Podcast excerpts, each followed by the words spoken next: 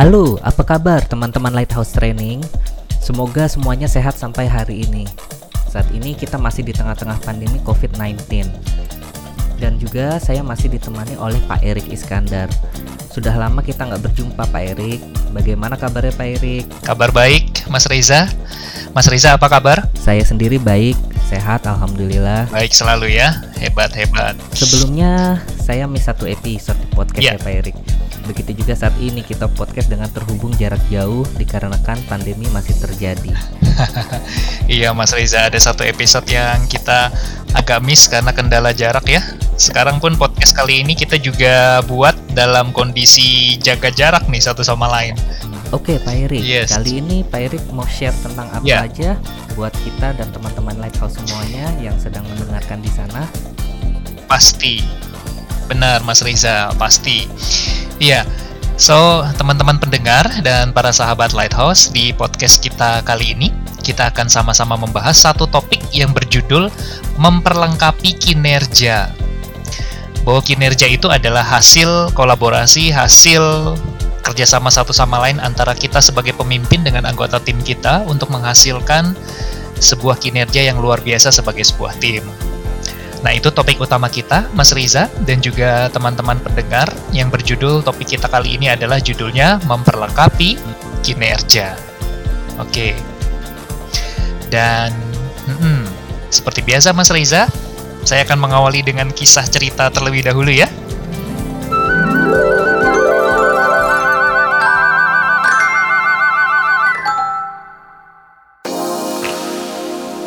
Teman-teman pendengar, Alkisah pada suatu hari ada sebuah keluarga kecil yang terdiri dari seorang ayah, seorang ibu, dan seorang anak yang berusia TK.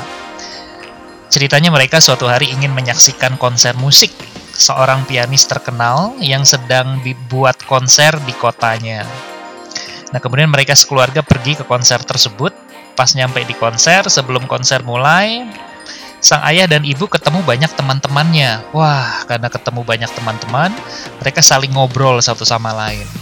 Habis ngobrol, mereka bergegas masuk ke stadion, ke tempat duduk penonton, dan tanpa sadar, mereka tidak sadar bahwa anaknya yang usia TK ternyata entah ke mana. Jadi ceritanya waktu mereka asik ngobrol dengan teman-temannya, ternyata sang anak menghilang, entah pergi ke mana saat itu. Kemudian mereka baru sadar bahwa mereka kehilangan sang anak itu ketika mereka sudah ada di bangku penonton. Si ayah mengira si anak bersama sang ibu, sementara sang ibu mengira si anak bersama sang ayah. Kemudian paniklah mereka, dan ketika mereka berupaya mencari di area penonton, tidak ketemu-ketemu juga, padahal konser sudah mau dimulai. Nah, pada akhirnya konser dimulai, ketika tirai dibuka, ternyata tampaklah sang anak sedang duduk di kursi piano milik sang pianis yang ada di panggung. Jadi ternyata si anak nyasar sampai ke atas panggung. Padahal itu penonton jumlahnya ratusan, si pianis sudah siap tampil. Eh, ternyata si anak nyasar malah duduk di atas kursi yang menjadi milik si pianis. Waduh, gawat. Paniklah orang tuanya. Mereka kaget luar biasa dan merasa malu juga. Bingung juga mereka bagaimana cara menarik anak itu turun. Nah, kemudian akhirnya datanglah sang pianis yang sudah siap untuk tampil. Pianis itu juga kaget karena dia melihat ada anak kecil di atas panggung miliknya. Dan si anak kecil itu dengan polosnya sambil memainkan tuts piano, si anak kecil memainkan lagu Twinkle Twinkle Little Star.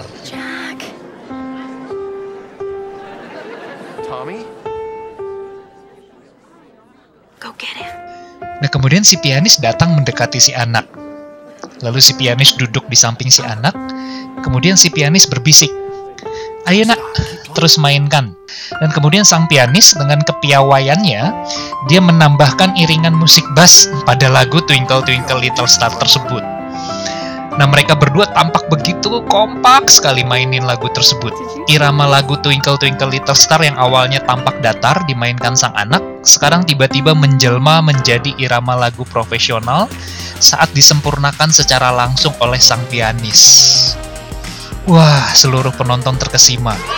Mereka bahkan memberikan standing applause atas penampilan sang anak bersama sang pianis tersebut. Sang anak pun akhirnya dituntun oleh sang pianis kembali turun panggung untuk menemui orang tuanya. Orang tuanya sangat lega, yang awalnya khawatir dan malu luar biasa, sekarang mereka lega luar biasa. Karena mereka mengira anaknya akan diusir dari panggung oleh sang pianis, tapi ya ternyata yang terjadi sebaliknya. Sang pianis justru membiarkan sang anak memainkan lagunya sendiri, dan pada akhirnya memperlengkapi lagu Twinkle Twinkle Little Star tersebut menjadi sebuah karya musikal yang indah. Peristiwa ini sungguh berkesan bagi sang orang tua dan seluruh penonton yang hadir di konser tersebut yang berjumlah ratusan. Sebuah peristiwa yang menunjukkan bagaimana seseorang mengambil tindakan nyata untuk memberi encouragement dan memperlengkapi orang lain agar bersama-sama mampu menghasilkan sebuah karya fenomenal, sebuah karya kinerja terbaik. Ya, Mas Riza dan teman-teman, itu ada sebuah kisah mengenai sang pianis dan anak kecil. Dan by the way, itu adalah sebuah kisah nyata. Baik, nah teman-teman pendengar yang baik, kita bisa sama-sama memetik banyak pembelajaran dari kisah tadi. Kita bahas dulu pembelajaran yang pertama. Pembelajaran yang pertama adalah mengenai bahwa pemimpin perlu melihat anggota timnya melalui kacamata kepedulian. Sang pianis, kalau kita dengar dari kisah tadi, sang pianis melihat sang anak. Pada saat dia melihat sang anak, dia tidak mengusir anak itu dari panggung, padahal kan panggung itu miliknya dia tidak melihat si anak sebagai pengganggunya, melainkan dia melihat si anak hanya sebagai anak kecil polos yang sedang nyasar dan hanya sekedar having fun dengan piano dengan lagu Twinkle Twinkle Little Star-nya. Nah, teman-teman yang baik, pemimpin perlu melihat anggota timnya sebagai orang yang sedang belajar dan bertumbuh, bukan sekedar orang yang kerjanya lama atau mungkin gak bisa kerja sebagus dirinya seperti sang pianis yang memandang anak kecil itu sebagai seorang anak yang sedang having fun dan dia kemudian mengambil tindakan memperlengkapi sang anak. Betapa penting juga bagi kita pemimpin untuk memiliki perspektif yang positif terhadap orang yang kita pimpin. Kita perlu melihat anggota tim kita pada saat berkinerja bahwa mereka sedang berproses di dalam proses belajarnya.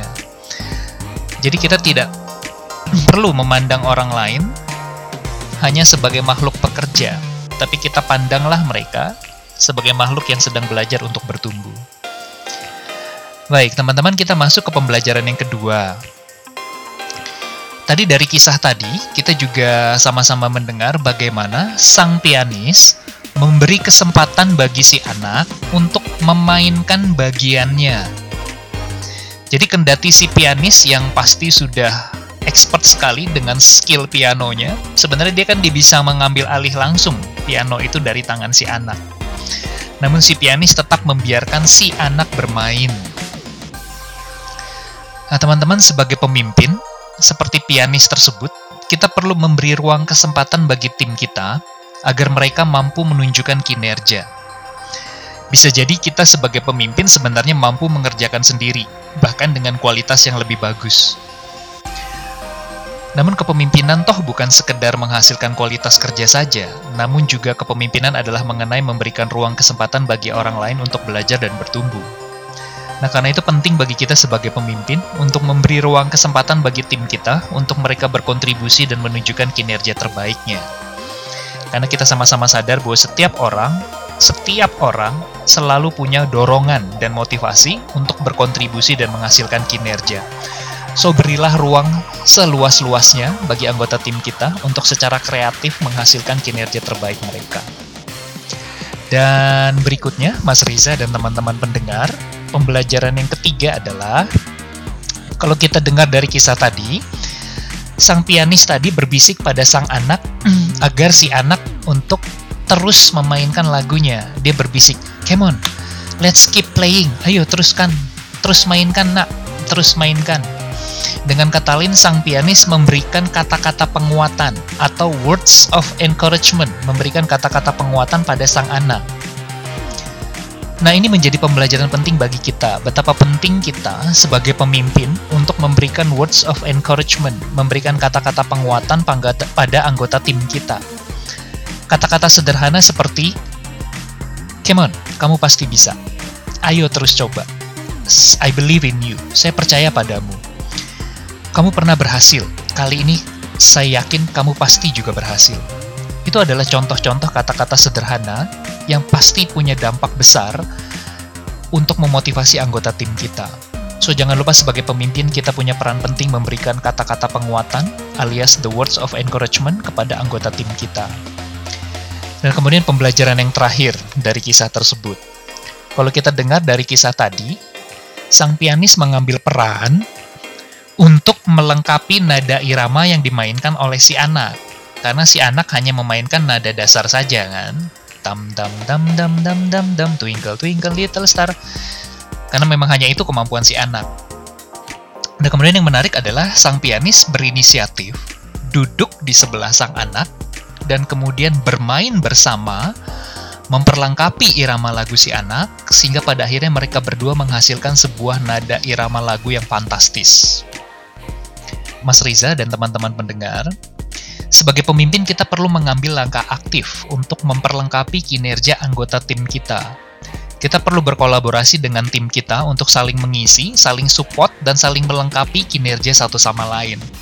Sehingga secara bersama-sama sebagai sebuah tim, kita mampu menghasilkan kinerja fantastis, seperti halnya sang pianis dan anak mampu menghasilkan sebuah karya lagu yang fenomenal yang akan bermanfaat bagi orang banyak seperti yang mereka lakukan yang bermanfaat bagi para penonton.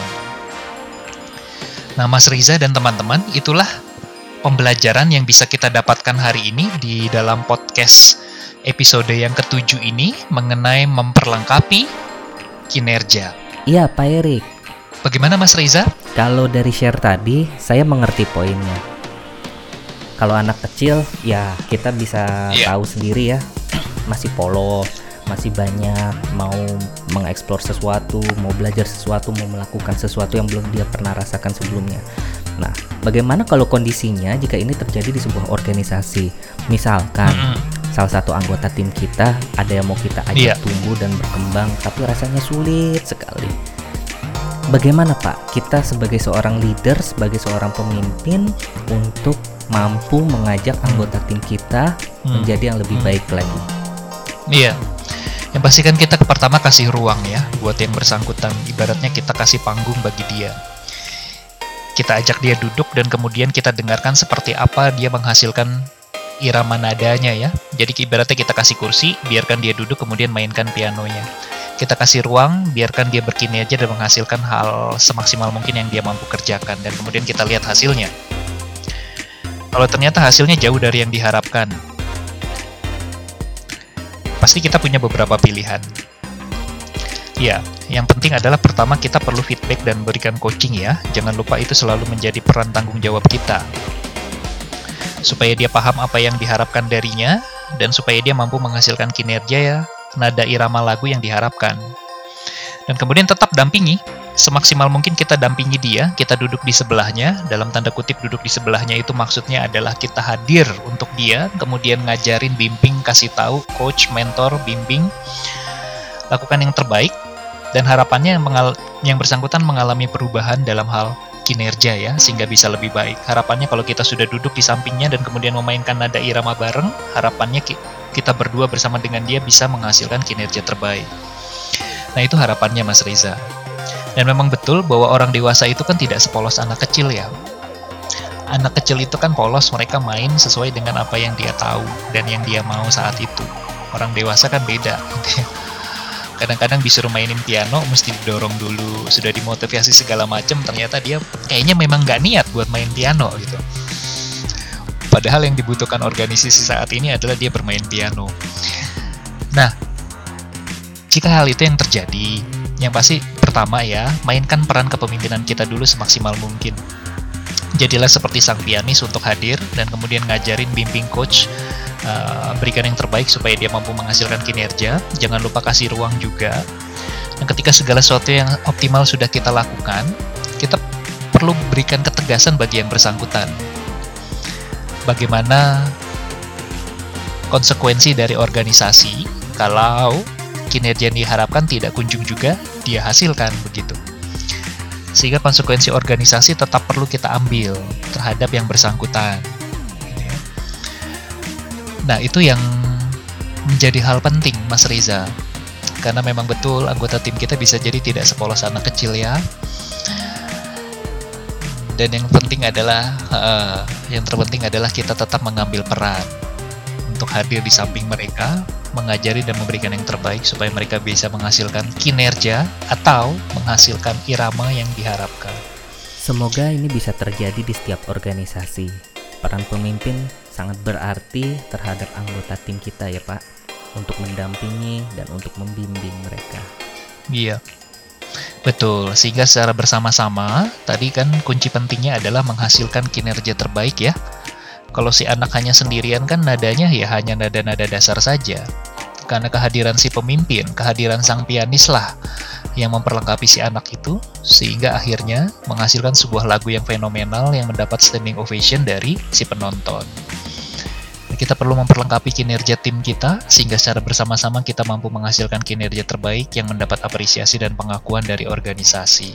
Baik Pak Erik, terima kasih inspirasinya untuk hari ya, ini. Ya, Mas Reza, terima kasih kembali. Semoga bermanfaat buat teman-teman Lighthouse semuanya. Benar. Kiranya apa yang kita sharing ini bisa memberikan inspirasi yang baik ya bagi para pendengar, bagi para sahabat Lighthouse. So, Mas Riza dan teman-teman, mm, tetap semangat ya di tengah masa pandemi ini.